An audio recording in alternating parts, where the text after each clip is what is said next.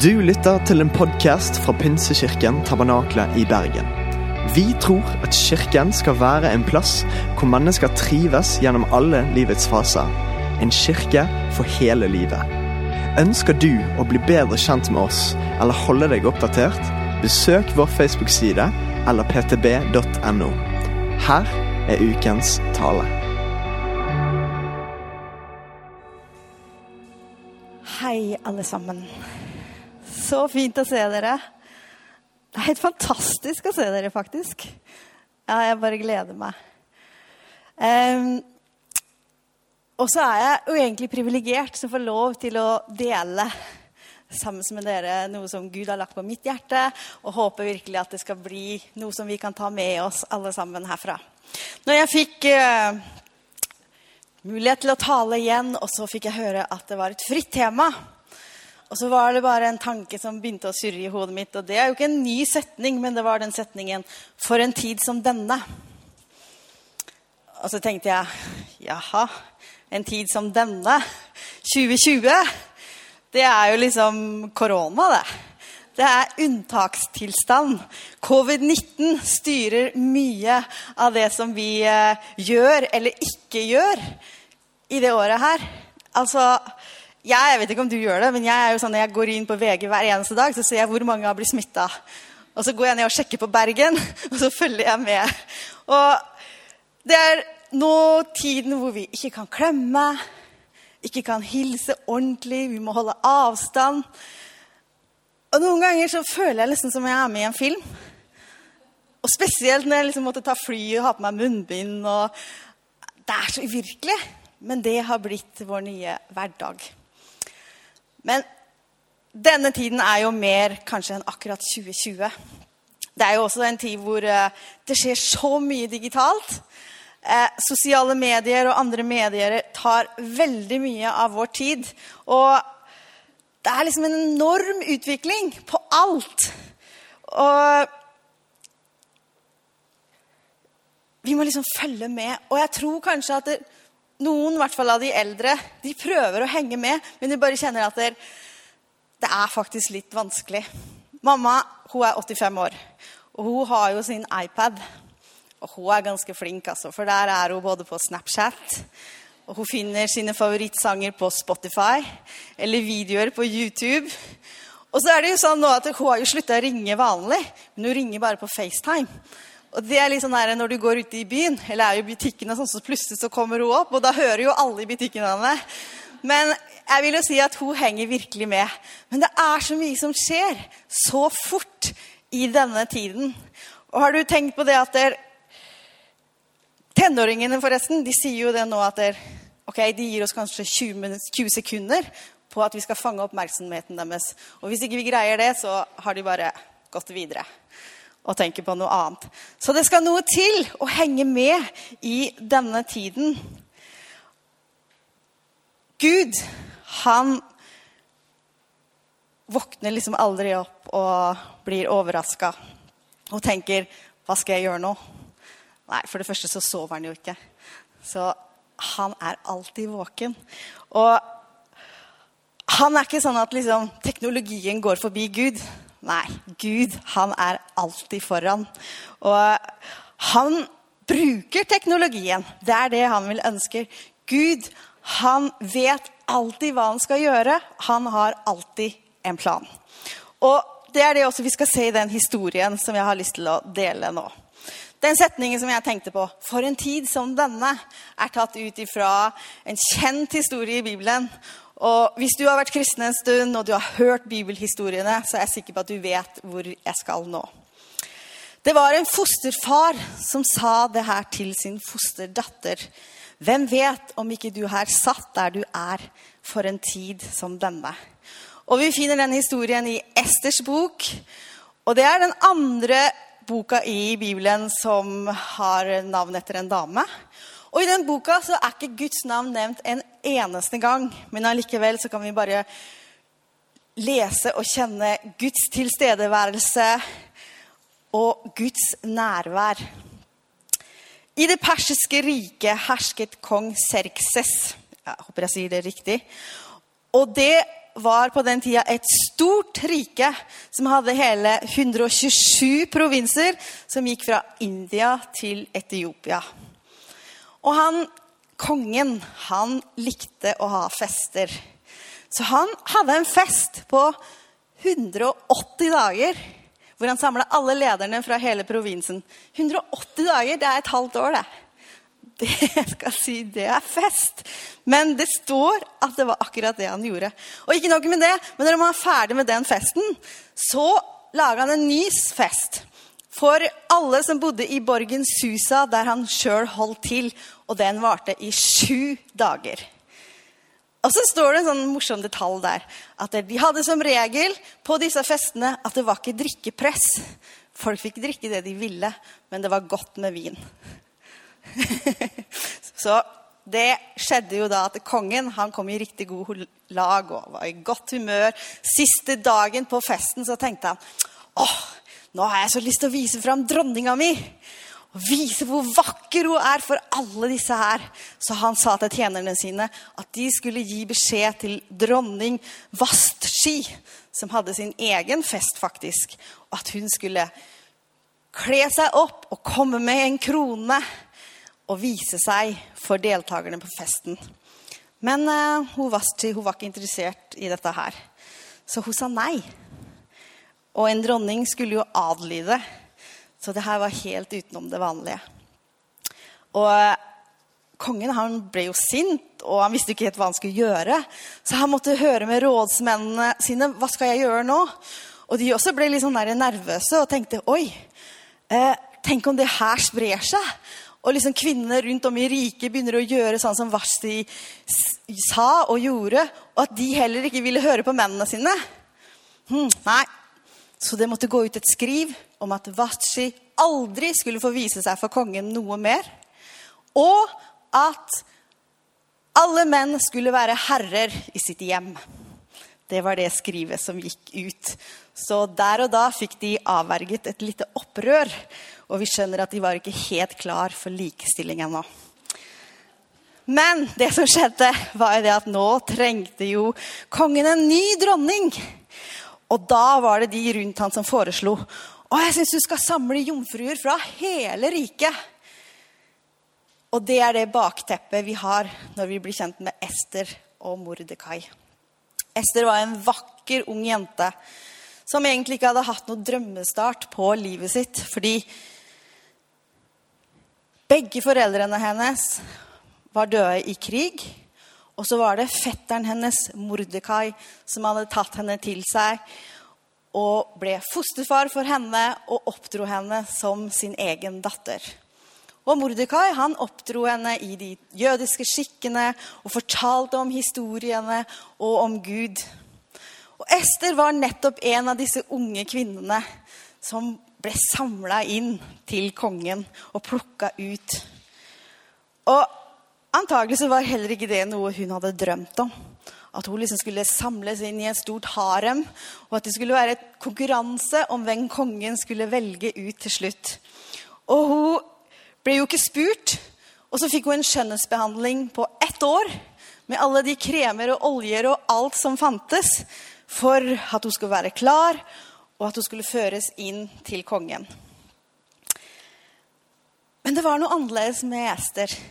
Og det kan vi lese sånn ved flere anledninger. For det virker som om alle som ble kjent med Ester, fikk godvilje for henne.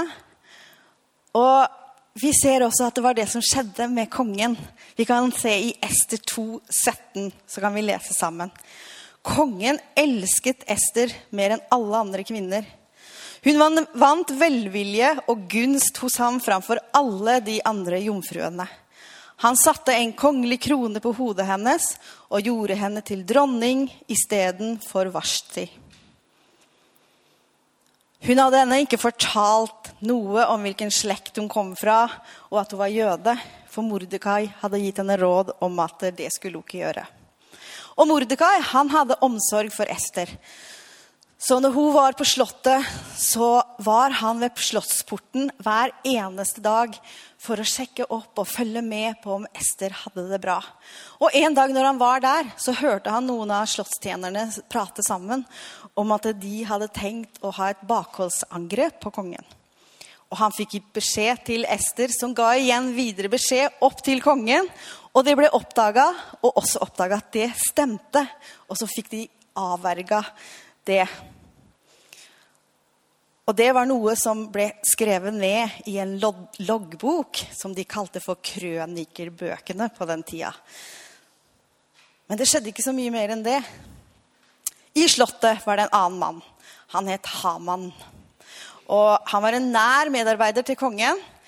Og kongen bare ga ham mer og mer posisjon, og han fikk mer og mer makt enn alle de andre. Og Haman bare elsket det elsket all den makten og oppmerksomheten han kunne få. Og en av de tingene som kongen gjorde, var at han ville hedre Haman ved at alle de som jobba ved slottsporten, de skulle bøye seg for Haman når han kom forbi. Og det gjorde de. Men Mordekai var jo også ved den porten, og han bøyde seg ikke for Haman. Fordi det var bare én Mordekai ville bøye seg for, og det var Gud. Så selv om alle de andre bøyde seg for Haman, så la jo mer Haman merke til det at Mordekai han ville ikke bøye seg. Og det irriterte han. Å, kjære folk, kan du tenke deg den mannen som ikke vil bøye seg for meg? Hva er det? Åh, han bare kjente at nei, jeg må bli kvitt denne Mordekai. Men så fikk han også greie på at han var jøde. Og så tenkte han nei, det holder ikke med å bare ta Mordekai. Jeg må ta alle jødene. Og han la opp en plan og kom til kongen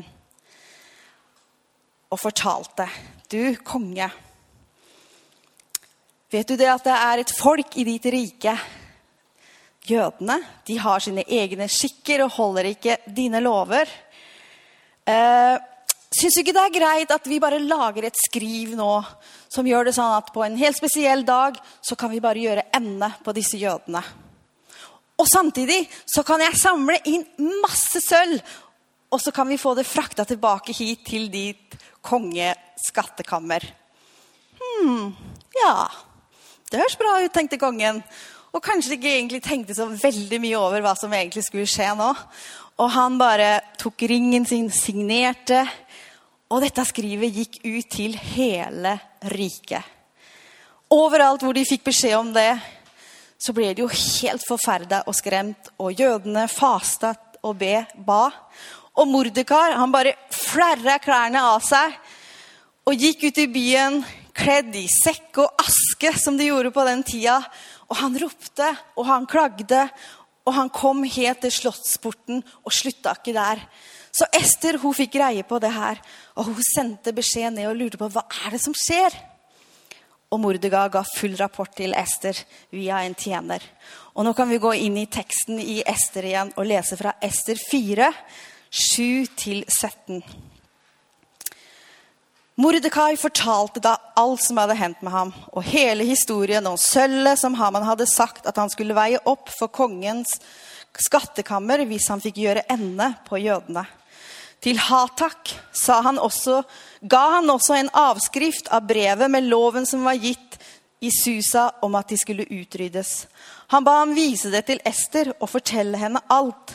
Så skulle han pålegge henne å gå til kongen for å trygle og be kongen selv om nåde for folket hennes. Hatak kom og fortalte Ester hva Mordekai hadde sagt. Da påla Ester Hatak å si dette til Mordekai alle kongens tjenere og folket i kongens provinser vet at om noen mann eller kvinne går inn til kongen i den indre slåssgården uten å være innkalt, så er det bare én lov som gjelder døden. Bare den som kongen retter gullsepteret sitt mot, får leve. Selv har jeg ikke blitt kalt inn til kongen på 30 dager. De fortalte Mordekai hva Ester hadde sagt. Mordekai ba dem si til Ester Tro bare ikke at du, som den eneste av jødene, skal berge livet fordi du er i kongens slott. For om du tier i denne tiden, vil hjelp og redning komme til jødene fra et annet sted. Men du og ditt farshus vil gå til grunne. Og hvem vet om ikke det er for en tid som denne at du har fått dronningrang? Da ba Ester dem si til Mordekai, gå og kall sammen alle jøder som befinner seg i Susa, og hold faste for min skyld. Dere skal ikke spise eller drikke på tre dager, verken om natten eller om dagen. Jeg og tjenestejentene mine vil også faste på samme måte. Så skal jeg gå inn til kongen, selv om det ikke er etter loven. Skal jeg gå til grunne, så går jeg til grunne. Mordekai gikk av sted og gjorde alt som Ester hadde pålagt ham. Ester ba hele jødefolket i Susa om å faste og be, og hun gjorde det selv også. Hun søkte Gud, men hun var villig til å miste livet for å prøve å redde sitt folk. Og hun gjorde seg i stand og gikk inn til kongen. Kongen han viste godvilje mot henne og retta ut gullsepteret. Og han var i godt humør, så han spurte hva var det hun ville. Og hun sa bare, 'Å, jeg ønsker å invitere deg og Haman til en fest i kveld.' Om det hun ønsker det. Og ja, det ville de. Så Ester arrangerte en fest for kongen og Haman. Og de koste seg på den festen. Og så utpå kvelden så spør kongen igjen. 'Ester, er det noe du vil?' 'Samme hva det er. Jeg kan gi deg halve kongeriket.' Og hun sier bare, 'Om det behager deg, og du vil, om dere kan komme på en fest til i morgen kveld.' Ja, det kunne de. Og Haman han var storfornøyd. Liksom, han var utvalgt til å være med på fest sammen med bare kongen til dronninga. Og enda en kveld så han gikk derfra og var så glad og i humør. Men så kommer han til slåssporten, og så ser han denne Mordekai igjen. Og det er akkurat som den bare ødelegger all gleden han har. Og så tenker han nei, nå orker jeg ikke mer. Nå må jeg bare bli kvitt denne mannen med en gang. Og han går hjem og sier det i familien sin, og de sier ja, lag en galge. Ja, det skal jeg gjøre. Så samme kveld så lagde han i stand en galge som han tenkte at den måtte han få Mordekai i. Men kongen den samme natta, han får ikke sove. Så han ber tjenestefolkene sine komme og lese ifra krønikebøkene til ham. Og der begynner de å lese. Og så kommer de til det stedet hvor det står om at Mordekai hadde avverga et attentat mot kongen. Og så tenker kongen hm, ble det gjort noe for denne mannen Mordekai for å hedre han og ære han for det han gjorde? Nei. Og kongen tenkte videre på det her. Og når Haman kommer inn etterpå, og det Haman har i tankene sine, er at han skal bare få klarsignal av kongen på at han kan henge Mordekai. Men kongen går med sine egne tanker og tar han i forkjøpet. Og så sier han, 'Hva ville du gjøre med en mann som du ønsker å gi heder og ære?' Og Haman tenker selvfølgelig at det er han kongen tenker på. Så han sier at 'Å, jeg ville ta på han kongelige klær' krone på hodet og la han ri ut i byen. Og så skal noen gå etter og rope, se her hva kongen gjør med en mann som han vil gi heder og ære. Og så sier kongen, ha, så bra! Det vil jeg du skal gjøre mot Mordekai. Kan du tenke deg? Wow, stakkars Haman. Han måtte gå ut i byen og gjøre akkurat det han hadde bedt kongen om å gjøre mot denne mannen som han så ønsket å bli kvitt. Så når han hadde gjort det, så kom han hjem til familien sin og var helt fortvila og visste ikke hva. Men han hadde jo ikke tid for da var det igjen tid for ny fest hos Ester. For et drama! Gode tid. Men det står i Bibelen, altså. Det er bibelsk historie. Og de kommer til Ester for en ny fest. Og utpå kvelden så spør kongen igjen. Ester, er det noe jeg kan gjøre for deg? Hva ønsker du? Og så sier Ester, jeg ønsker å leve. Og jeg ønsker at mitt folk skal få leve. Og så forteller hun om denne planen som Haman hadde lagt og sendt ut. Og det er akkurat som kongen våkner opp, og han blir så sint. Og skjønner ikke i all verden hva er det som skjer. Og for på grunn av Esters mot og at hun turte å snakke opp for sitt folk, så blir det sendt ut et nytt skriv som redder jødene. Og så blir Haman faktisk hengt i sin egen galge. Wow. For en historie. Og jeg blir så fascinert av bibelhistoriene, hvordan de detaljert beskriver de hendelsene som skjer.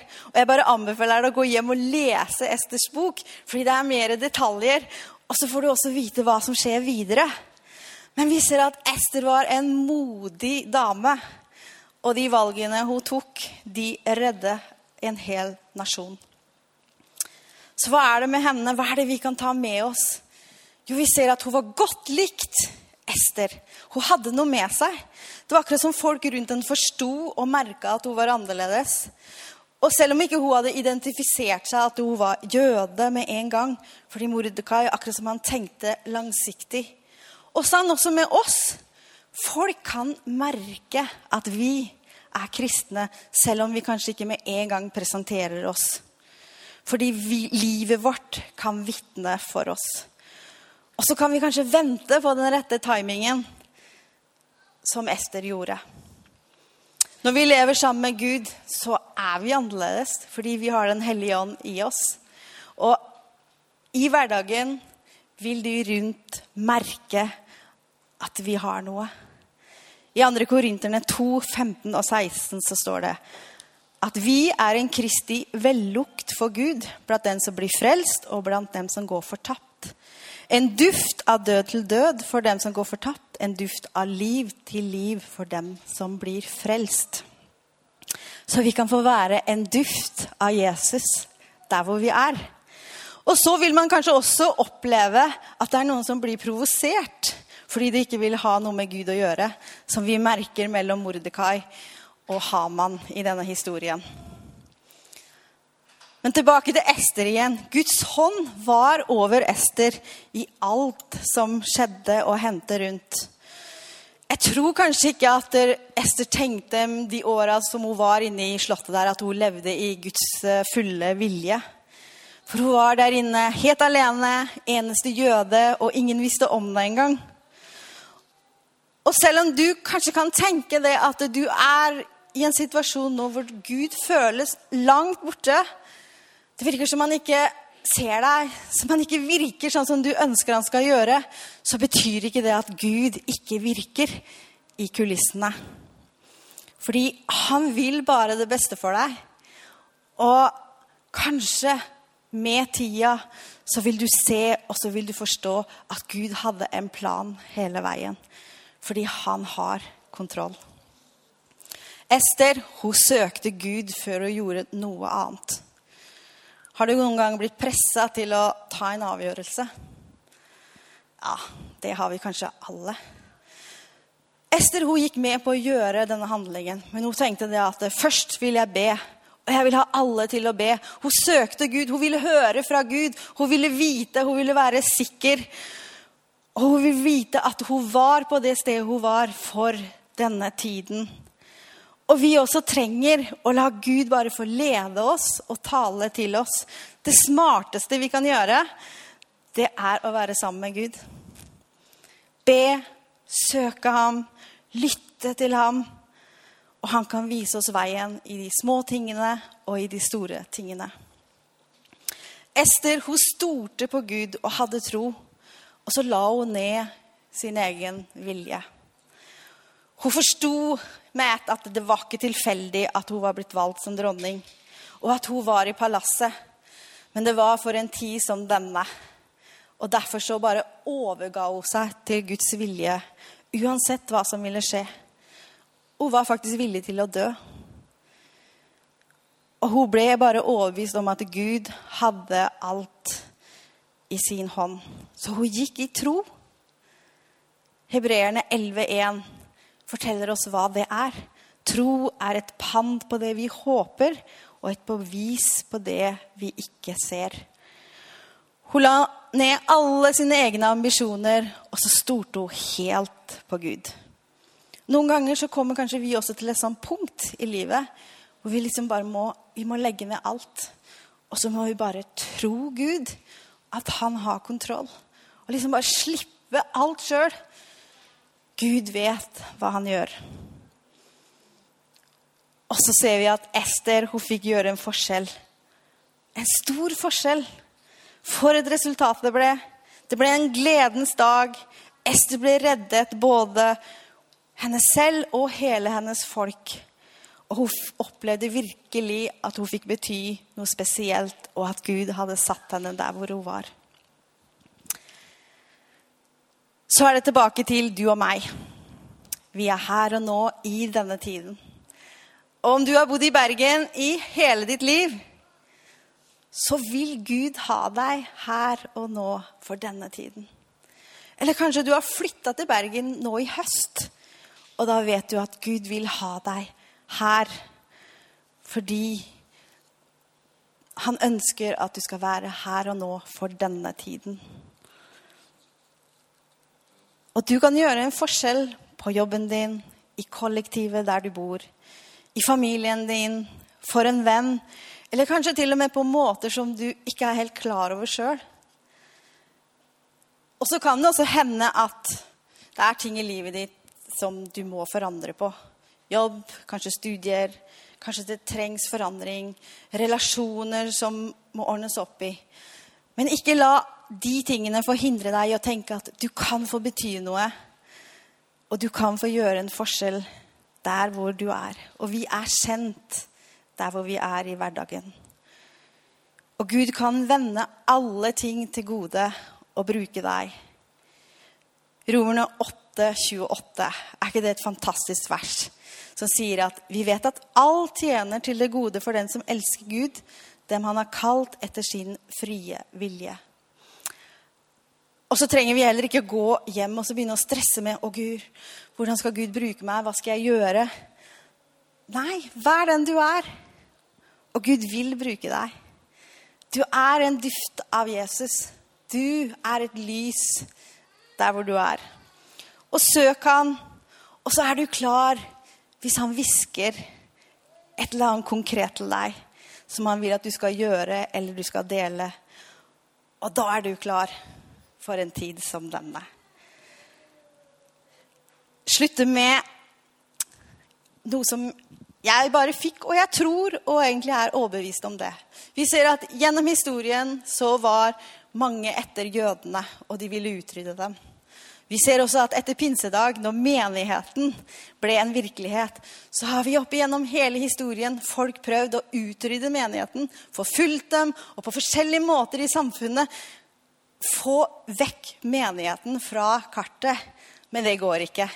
Fordi menigheten er Guds plan, og det er det han vil. Og jeg føler litt nå at vi liksom er litt sånn satt på pause. Akkurat som liksom djevelen har fått inn et godt slag. Fordi jeg tror at han hater når vi kommer sammen. Når vi bare lovsynger Gud, og vi hører Guds ord, og vi oppmuntrer hverandre, og vi går ut til en ny hverdag. Og akkurat nå er det mange kirker i, rundt omkring i verden som ikke kan gjøre det. De kan ikke samles. Men jeg tror og Jeg bare kjente det. At Gud han jobber bak i kulissene. Og når det her er over, så vil kirkene fylles igjen. Kanskje som aldri før. Vet du hvorfor?